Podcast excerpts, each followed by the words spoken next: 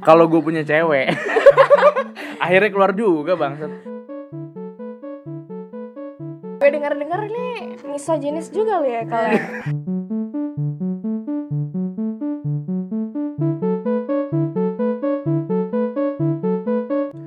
Welcome to BOE Ekonomicast brought to you by Badan Otonom Ekonomika FEB UI. This is Haikal Kintara. and Erika Tanujaya at your company. Get comfy grab a snack. and a friend, cause we're about to light up your weekend. Ya, selamat datang kembali di BOE Ekonomicast episode terbaru. Iya. Yoi, Sabtu pagi jam 8. Kembali bersama gue, Haikal Kintara. Dan gue Erika Tanujaya. Gila, Erika telat cuy. Iya maaf ya. Itu janjian jam berapa ya tadi ya? Janjian jam 2, datang jam setengah 5. Oh, anjay, maaf ya. Tadi gue habis ngedate cuy. Hancur, Mohon maaf nih nyari jodoh gue. Iya, abis buka Grinder. Eh, apa? ya? Tinder. Tinder. Ya betul tadi ya ngomong-ngomong tadi gue ngedate, Ngedate nih. kan. Tadi tuh cowok gentle banget cuy. Gentle banget. Nah, Gentle nah, banget masa ya? Gue dijemput nih di jemput. rumah. Ah.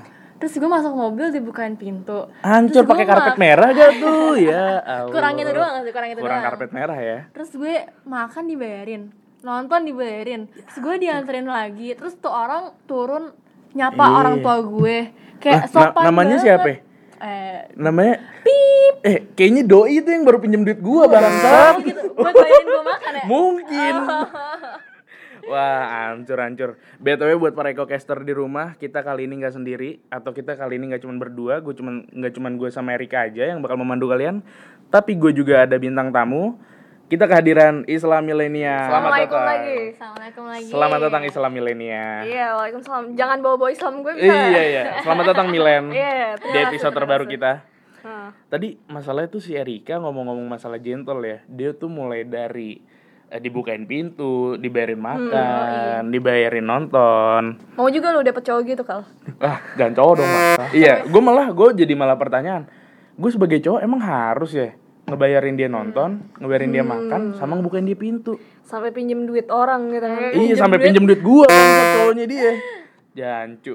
Nah, cuman kan maksud gua eh maksud gua bagaimana emang gue juga nggak ngerti sih peran atau sosial sebagai cowok tuh harusnya gimana walaupun katanya sebagai cowok gue harus ngebayarin gitu kan walaupun gue sih sebenarnya ngepas aja ya uang jajan gue ya nggak tahu nih mungkin Belum kerja juga ya kan? Eh, belum kerja juga Yang bayarin jadi bukan lu sebenarnya, Kal. Emak lu. Iya, masalah gentle tuh gue tuh kayak jadi bertanya ulang gitu loh. Setelah denger cerita Erika tadi, haruskah gue berlaku seperti itu, seperti ngebukain pintu, ngebayarin Gentleman lah ya. cewek gue makan, ngebayarin dia nonton gitu loh. Menurut lo, apakah gentleman sependek itu, sesempit itu definisi gentleman gitu loh? Kalau menurut gue sih se- eh, sebagai cewek ya. Hmm. Sebenarnya bukan cuma sebagai cewek, sebagai Manusia. a person ya, ya Hmm. benar. Sebagai seorang individu gitu. Gue risih sih dibukain pintu gitu. Hmm. Meskipun maksudnya dibukain pintu mobil gitu kan. Iya, kayak nggak bisa buka pintu sendiri bangsat kan? Kayak, kayak lemah banget ya, kayak gue Iya. miskin banget. Heeh. Dibayarin. Dibayarin. Tapi terus ada juga yang bilang bahwa ya just just be grateful gitu kan bahwa Iya. dia dia ngelakuin itu karena ya dia, Dia sayang sama lo. ya udahlah bersyukur sama. aja gitu ya kalau kata teman-teman lo ya Tapi kalau kata SJW SJW Twitter kan ya, hmm. pada bilang tuh kayak itu suatu tindakan atau perilaku yang demeaning towards women gitu. oh Yang merendahkan, Iya, menghina Gitu. gitu. Jadi saat lo dibaik-baikin itu lo direndah-rendahkan gitu. Iya, ya. karena anggapannya kayak ah miskin lu, cewek kan kagak kerja, iya nggak punya duit sendiri, gitu kan. Terus kayak cewek itu dianggap lemah, makanya dia dibukain pintu, dibawain tasnya, gitu-gitu Hmm. kan. tapi kalau masalah menganggap lemah sih enggak ya kalaupun gue punya oh, gue punya cowok gue punya cewek. Oh iya, coba. gue punya cewek men. Ceritanya. ceritanya. kalau gue punya cewek akhirnya keluar juga bang.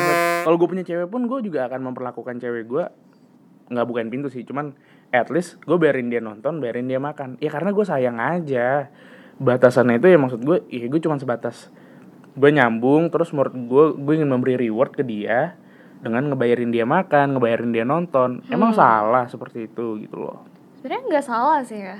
Itu konsensus lu dengan dia gak sih? Iya ya, dan dan bahkan sekarang pun em, karena kita juga udah lebih progresif, split bill is something normal. gitu Iya. kan. Something Akhirnya normal. split bill kan. Iya, yeah, split bill. atau yang biasa gue lakukan sih biar gampang ya nggak split bill tapi misalnya hari ini dia yang bayarin Iya. besok gue yang Hmm, bayarin Kemarin gue bayarin Erika makan. That's right, besok that's right. gue Iya, yang bayarin Erika bayarin gue. bakar. Kayak cowok gue yang bayarin nonton, terus kayak gue yang beliin popcornnya. Iya. Iya gitu That also works kan. Tapi popcornnya jangan yang beli di Alfamart. Ah. Waduh, kan nyebut nggak brand. boleh. Oh kan iya. nggak boleh dibawa sendiri. Iya. Makanya. gitu sih. Cuman balik lagi ke bentuk penghinaan ya. Balik lagi ke bentuk penghinaan tuh gue masih pengen ngulik lebih dalam sih. Maksudnya sejauh mana perspektif orang atau perspektif masyarakat bahwa atau SJW SJW Twitter tadi yang nyebut kalau eh, memperlakukan wanita seperti itu tuh menganggap wanita itu lemah gitu loh. Karena gue masih karena gue masih bingung sih atau gue masih belum melihat secara jelas sisi mana yang ngebuat kalau wanita itu ngebuat wanita kayak gitu tuh jadi lemah kayak gitu loh. Sebenarnya kalau yang gue tahu ya, yang gue pernah baca, gen, eh, konsep gentleman behavior, gentleman etiquettes itu berdasar dari suatu kata, chivalry. Chivalry. Chivalry. apaan tuh Eh, chivalry itu kalau gue liat di ini ya based on Google Translate nih dia penunggang kuda cuy. oh gitu Iya. Salah lo, bohong. Oh lo. bukan ya. Kalau di Google Translate apa ya? Kalau di Google Translate Kesopanan. kesopanan. Oh chivalry itu kesopanan. tapi tapi tapi lo benar kalau terminologi aslinya nih gue gue lupa sih bahasa Latin apa bahasa apanya gitu chivalry itu memang menggambarkan seseorang yang menunggang kuda karena Hmm. di abad pertengahan dulu ya itu memang ada sebuah code a code of behavior buat para kesatria yang tipikalnya itu menunggang kuda gitu kan Hmm. Kenapa eh, kesatria? Karena kesatria ini dianggap mereka yang punya kekuatan lebih, terus mereka Oh. punya akses terhadap senjata berbahaya yang gitu gitulah. Oke. Makanya mereka dikasih sebuah istilahnya a set of codes supaya mereka itu tahu gimana caranya menggunakan kekuatan mereka itu. Hmm. Karena kan with great power Comes comes, great great responsibility. Mhm. That's right. Makanya para kesatria ini dikasih a set of uh, codes itu supaya mereka nggak abuse their powers. Hmm, Kayak Tapi gitu. sebelum sebelum masuk lebih jauh ke masalah eh, kesatria penunggang kuda ini, Mhm. gue mau bahas eh, harfiah yang satunya lagi. Tadi kan mungkin secara terminologi chivalry itu bisa disebut kesopanan atau penunggang kuda. Cuman kalau kita lihat tadi kan bahwa berperilaku baik terhadap pasangan kita itu adalah satu tindakan chivalry ya. Nah, gue tuh mau bahas kes- kesopanannya itu loh. Maksud gue eh, gimana chivalry itu memandang kesopanan atau eh, keistimewaan gak sih? Kayak gue Yeah. kayak gue melihat kayak lebih keistimewaan yang dilakukan terhadap pasangan lo, para caster itu disebut bahwa chivalry. Yes, Nah, chivalrous. Iya, chivalrous ya. Itu kata sifatnya ya. Mhm. Nah, menurut gue mau bahas atau gue mau kulik lebih dalam lagi nih masalah chivalry ini. Bahwa eh, dasar atau basic dari terminologi chivalry ini tuh apa sih sebenarnya? Kalau yang kita lihat aplikasinya sekarang ya, Hmm. aplikasi sekarang dari sifat chivalrous ini kayak lo bukain pintu, bukan cuma buat cewek lo, tapi maksudnya kayak kalau lo lihat ini deh, ada nenek-nenek pakai kakek-kakek mau Iya. nyebrang jalan, Nah, iya tuh. lo bantuin nggak? Bantuin gak, Rik? Bantuin gak sih? Kayak kasihan gitu nggak? Hmm, gak tahu sih. nggak tahu sih bantuin lah bantuin lah masa enggak sih Iya, itu itu itu juga sebuah tindakan yang chivalrous gitu loh. Hmm. Lo membantu seseorang, em, terus habis itu lo bukain pintu buat orang yang misal mereka bawa barang banyak gitu kan, barang berat, lo bukain pintu buat mereka. Hmm. That's also a chivalrous act kayak gitu kan. Hmm. Cuma terus memang yang jadi salah persepsi itu karena dianggap berarti lo harus melakukan tindakan-tindakan baik itu ke orang yang lebih lemah. Hmm, ke orang kan? buta Orang buta. ke orang miskin Iya. orang Jadi kesalahan tua. persepsinya itu bahwa sebenarnya nggak harus orang yang lebih lemah. lemah Enggak, enggak, enggak harus. ke siapa pun ke siapa pun that's harusnya. right. Bahkan em, kayak yang gue bilang tadi, Mm-mm. kalau sebenarnya kan asal mulanya chivalry ini kan di medieval times ya. Iya. Middle age. Nah, Abad pertengahan itu nih gue pernah baca sebuah buku. Mungkin buat ecocasters yang mau baca ini judul bukunya apa? nih? judul bukunya Timeline. Timeline. ya? Timeline. Timeline Twitter yang nih. siapa tuh? Yang nulis Michael Crichton. Michael Nggak Crichton. kenal, kenal ya kak? Nggak kenal. Gue juga belum kenalan Oh, sih. belum kenalan ya? belum, belum, belum. Tapi ya inti dari buku ini ini sebuah novel ya, sebuah novel tapi dia depiction of the middle age itu sangat sangat representatif dan bisa dibilang akurat lah oleh para sejarawan. Dia itu menggambarkan middle age itu sebagai sebuah zaman yang sangat amat brutal Hmm. di mana women are raped, terus children are killed. Intinya kayak jalan tuh sampai licin karena darah. Yo. Makanya pada saat itu orang-orang yang punya senjata nih, yang punya akses lah terhadap senjata Iya. gitu. Karena kan berarti kan nggak bisa semua orang dikasih akses terhadap senjata kan. Hmm. Yang dikasih akses terhadap senjata itu ya cuma para kesatria-kesatria nih, Iya. these knights gitu Ah. kan. Makanya mereka ada sebuah code of chivalry. Di mana mereka harusnya per- uh, protect the civilians, terus mereka nggak boleh abuse their powers kayak gimana gimana gimana. Gue lupa deh kalau nggak salah ada 10 pertamanya Hmm, Oke, oke, oke. ada 10 commandments gitu. Nah, itu salah satunya yaitu to honor women. Honor women kenapa? Karena pada saat itu yang jadi korban pemerkosaan ya women. Oh. Karena kebanyakan knights-nya ini laki-laki, tapi nggak semuanya. Makanya salah kalau orang bilang itu itu kayak apa ya? Chivalrous code Oh. the code of chivalry itu cuma buat dari laki-laki ke perempuan itu salah. Oke oke. Nah ini yang mau gue bahas lebih lanjut sih masalah masalah tadi kan chivalry itu tadi gue udah ngomong kesopanan terus kita ngomong masalah satria penunggang kuda. Yes. Kalau kita mau bahas lebih dalam lagi nih masalah satria penunggang kuda, kayaknya ada kesalahan persepsi juga di masyarakat yang ngebuat bahwa eh, orang yang melakukan chivalry ini itu harus dilakukan laki-laki terhadap wanita itu Iya. gitu loh. Yang tadi gue mau yang lu udah singgung sedikit bahwa katanya orang yang melakukan chivalrous itu hanyalah orang yang lebih hebat atau lebih tinggi terhadap orang yang lebih lemah gitu kan. Nah, menurut lu kesalahannya itu atau bukan kesalahan, mungkin bagaimana mispersepsi itu tuh lahir tuh dari titik turning point itu kapan ya? Mulai dari apa? Mulai dari eh, film kah atau dari middle age tadi? Apa memang emang natural peristiwanya emang kayak gitu gitu loh? Nah, itu tuh pas eh, kalau menurut gue ya, ini not not something that historians pernah menjelaskan dan gue pernah membaca. Mungkin udah pernah dijelaskan tapi gue belum pernah membaca literaturnya. Tapi seharusnya it begins with orang-orang mempersepsi melabeli diri mereka sendiri ada yang stronger than me, ada yang weaker than me. Maka dari itu, yang strong ini dia harus punya kewajiban terhadap yang lemah dan yang lemah ini merasa punya hak atas yang kuat gitu kan.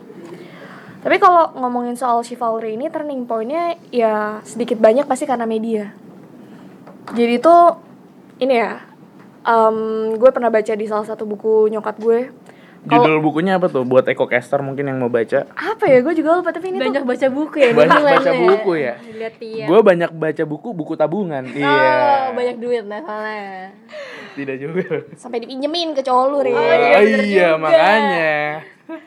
Nah, ini tuh buku tuh nyinggung sebenarnya kayak buku komunikasi gitu sih. Kalau Hmm. yang anak-anak komunikasi ini pasti tau lah.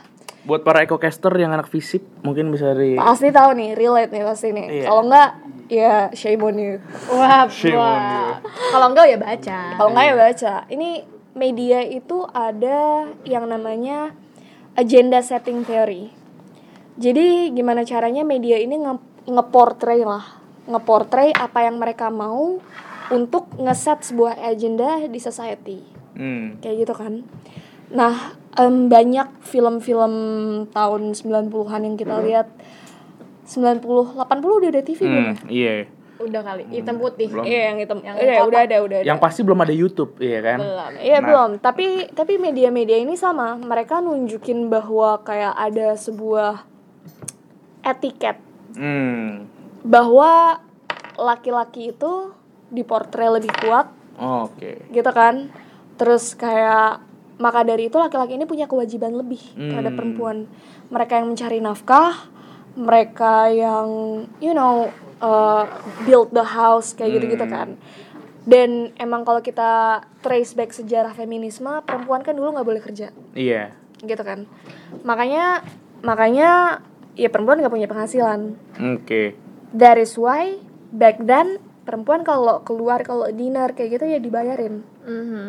karena ya dulu nggak ada penghasilan kan tapi makin ke sini kan kita udah ada gerakan feminisme tuh buat apa sih gitu kan Hmm. perempuan udah punya penghasilan ya sekarang kita udah nggak living in the you know those centers lah Iya lah. Iya. Iya, Udah lebih revolusionis ya. Iya dan dan justru itu ya. pride gak sih buat kita Iya. kalau kalau Iya. bisa Shout out to Ibu R.A. Kartini Hey, yang sudah yang membawa cahaya terang Iya iya. terhadap iya. Kayak gitu. perjuangan wanita di Indonesia.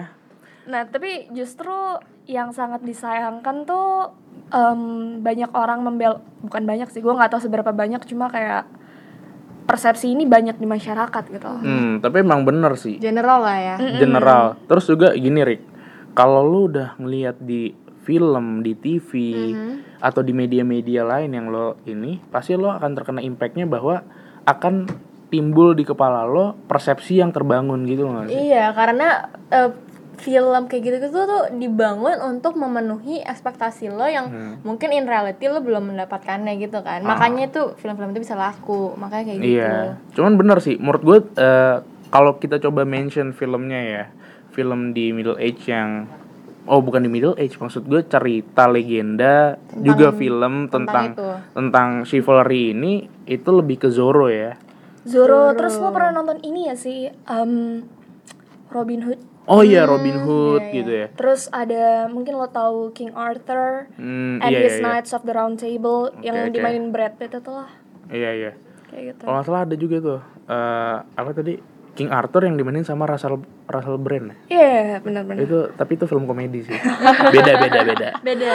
Nah, tapi maksud gue kalau kita balik lagi ke padanan awal kita tadi tentang chivalry, Mhm. mungkin ini balik lagi ke masalah mispersepsi yang ada di masyarakat. Di mana yang tadi awalnya orang berlaku chivalrous itu cuman buat atas dasar kasih sayang, Mhm. tapi malah dipandang SJW Twitter nih dengan menjadikan wanita itu lemah gitu loh. Ya sebenarnya yang mana sih lu lu mungkin kal sebagai cowok lu tuh saat lu melakukan kayak gitu itu karena lu merasa lu butuh melakukan itu karena cewek lu mungkin lebih lemah daripada lu atau karena lu sayang sama dia. Kalau menurut gue karena ini sih, kalau gue melakukan hal itu karena uh, menurut gue dia nyambung dengan gue dan gue perlu memberikan reward reward terhadap dia Hmm. dengan bayarin dia makan atau bayarin dia minum yang tadi gue bilang gitu loh. Tapi apakah per- saat cewek lu merasakan hal yang sama dia perlu memberikan lo reward yang sama? Nah itu gue nggak tahu sih. Maksud gue, ya mungkin itu masih berlaku terhadap uh, pria terhadap wanita, Hmm. Tapi tidak vice versa gitu loh. Oh gitu. Uh-uh. Kalau karena- gimana? Kalau gue sih em, nggak terhadap rewardnya ya. Kayak gue melihat itu sebagai ya kayak integritas gue aja. Maksudnya kayak kalau gue Perlu, perlu ya akan lo lakukan. akan gue gitu. lakukan. Cuma kalau ternyata tidak ya kayak nggak usah juga gitu kan. Karena the main point of chivalry itu juga kayak em, lo berbuat baik terhadap Mm-mm. orang lain gitu kan. Regardless of how they are Mhm. towards you, lo baik aja terhadap mereka. Karena knights pada zaman apa abad pertengahan itu juga digambarkan kayak gitu. Ya kenapa kita sekarang mengenal Iya. terminologi knightly behavior? Mm-mm. Kenapa kesatria tuh kayaknya orang yang noble banget? Mm-mm. Ya, Mungkin karena gue bilang, mereka melakukan menurut gitu. gue tuh ada shifting dalam terminologi knights tadi. Hmm. Jadi ada shifting yang tadinya knights itu diidentikan dengan laki-laki, kesatria gagah. Dia shifting ternyata gendernya itu nggak cuma laki-laki. Iya, iya, iya. emang fakta membuktikan Iya. karena di Middle Ages itu kan banyak yang pada perang ya satu sama Hmm. lain kayak bunuh-bunuhan gitu kan. Mm-mm. Jadi memang ketika orang yang dianggap lebih kuat yaitu laki-laki yang mereka tidak punya resiko buat hamil kayak gitu-gitu, Mm-mm. mereka dikirim ke medan perang terus banyak yang terbunuh, ya Indian ternyata banyak juga knights yang perempuan Oh ada. Ada ada. Oh ada ada. Jadi itu Dari abad pertengahan itu. Iya iya iya di abad pertengahan itu. Gue lupa source-nya cuma em, di kajian gue, gue juga nulis bahwa memang uh, it it has been proven bahwa memang ada juga knights yang perempuan kayak gitu. Jadi I'm not really sure kenapa orang-orang tuh masih berpikiran bahwa knights Itu laki-laki. laki-laki dan berani itu laki-laki. Mayoritasnya mungkin ya karena orang ngelihatnya yes. yang berkeliaran di masyarakat yang bantuin orang-orang lain yang laki-laki. That's Iya. right. ya. Mungkin karena yang perempuan merasa kayak tugasnya mungkin kayak ngurus anaknya, gitu kan, Hmm, ngurus mencuci rumahnya. baju, nyapu rumah gitu kan. Ternyata tidak kan. Sekarang ari- apa wanita tuh lebih develop ya. Ya, Dia lebih ke arisan. Tetap aja sama aja. sama aja cuy, maksudnya Sama lebih aja cuy. bisa Gue- kerja. gue dengar-dengar nih misoginis juga lo ya kalian. nih gue siap siap ini nih gulung lengan nih. Mohon maaf. Karena lengannya kepanjangan Iya. mungkin. Kalau lo pada mulai bertanya-tanya nih, mungkin Eko casters juga ya, kayak chivalry itu kan buat kesatria. Kok bisa aplikasinya ke dalam kisah cinta, romansa Eh, gitu? iya, Iya. iya, iya, benar Itu juga. dari mana?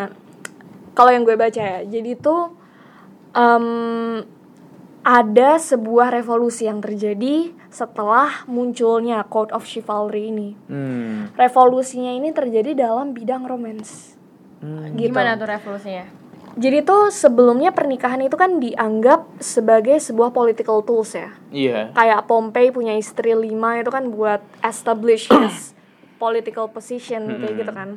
Tapi terus setelah ada Code of Chivalry ini, di mana salah satunya adalah honor women, itu um, ada sebuah istilah lain namanya chivalrous love. No, chivalrous law.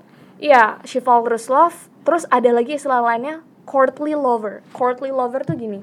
Courtly lover itu kayak eh, kekasih plus plus. Oh. Hmm, gimana apa itu ya plus-plusnya? Nggak Plus plusnya gue. tuh Kayak pijet karena plus. Iya, kayak pijet nih gue bilang-bilang. bahaya nih. Oh, bahaya. nggak boleh dong. Tapi courtly lover itu lover yang plus plus karena dia itu mengusung nobility. Mhm. Gimana Nobility itu? Gimana itu bahwa the courtly lover exists to serve his lady. Jadi konsepnya adalah sama kayak Romeo dan Juliet. Paris, ya ya kayak eh, lawannya Romeo itu Paris ya kalau nggak salah ya. Oh, nggak tahu deh. Pakai hotman gak nih? Pakai hotman gak nih? Hotman Paris. Jadi itu Hotman Paris. em, si Juliet ini kan udah udah kayak ada betrothed to someone Hmm. else gitu kan.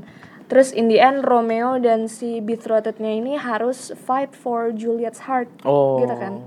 That is why courtly lover exists to serve his lady karena they have to serenade their ladies, nyanyiin yang em, yang romantis-romantis, terus kasih bunga gitu-gitu karena karena mereka harus meng, apa ya mengambil hati their ladies gitu kan. Oh. Makanya caranya gimana? Ya dengan menjunjung nobility-nya mereka. Menjunjung nobility dan honornya si ladiesnya mereka ini. Tadi courtly love. Courtly love dan courtly Bedanya lover. dengan chivalrous love, love itu tadi apa? Itu sama. Makanya sama. yang gue bilang itu bahwa ada sebuah revolusi di dalam romance setelah ada konsep chivalry ini. Kayak gitu. Oh, berarti ada revolusi dalam chivalrous codes. Codes of chivalrous. Ada revolusi dalam romance setelah Adanya chivalry. ya Ada kayak gitu. chivalrous code itu tadi. Mm-mm, kayak gitu. Jadi emang mispersepsi kali ya. Mispersepsi. Jadi ini untuk menyimpulkan kali ya dari tadi kita udah 20 menitan ngobrol yang tentang chivalry dengan Islam milenia. Eh, jadi sebenarnya tuh ada mispersepsi ya. Intinya tuh ada mispersepsi dari chivalrous ini, chivalrous act ini di mana di awalnya itu chival- seseorang yang digambarkan chivalrous itu adalah kayak seperti seorang kesatria yang kuat, yang mayoritas adalah seorang laki-laki eh, dan membantu orang-orang yang lebih lemah seperti perempuan, anak-anak yang mudah diperkosa dan diculik dan dibunuh gitu kan. Nah, tapi eh, dari dari situ aja tuh sebenarnya udah, udah ada mispersepsi karena sebenarnya tuh kesatria tuh nggak semua laki-laki. Tapi nggak tahu kenapa masyarakat tuh ngelihatnya itu laki-laki yang chivalrous dengan itu. dengan dorongan bahwa ada film. Ada film, film media. media. Filmnya kalau Yes. kita mention apa tadi namanya? Ada Zorro ya? Zorro. Zorro, ada Robin Hood. Robin Hood Jadi yang- makin ke sini pun tetap aja orang tuh mikirnya yang harus sopan, yang harus bersikap chivalrous itu adalah laki-laki laki-laki. Sampai ada dia merevolusikan romance, Mm-mm. segi percintaan di mana ya udah berarti dalam kehidupan dia harus kayak gitu, di dalam percintaan juga dia harus bersikap seperti itu kepada wanitanya. Hmm, terhadap gitu kan. pasangannya Mhm. kayak gitu Oke, buat para ecocaster di rumah atau yang lagi di jalan dengerin podcast ini, mungkin kalian punya pandangan lain atau punya kebingungan lain atau mau curhat-curhat, Mungkin cowoknya nggak Iya, gentle sih nggak ya. gentle, atau Oh. mungkin kalian dapat pencerahan dari podcast ini, Iya. atau kalian punya saran, kritik dan kesan pesan terhadap podcast ini, atau punya usulan obrolan apa yang mau dibahas di Secara podcast ini, keseluruhan ya saran kritik apa pun nggak Iya. usah episode ini silahkan kirimkan saran dan kritik kalian ke email kita di boe.economicas@gmail.com atau di sosial media kita di Instagram dan Twitter. at boeconomica. So, jangan ragu dengan kami karena sebatas kata-kata bukan budaya kami. See you. See you on the next episode. Thank you.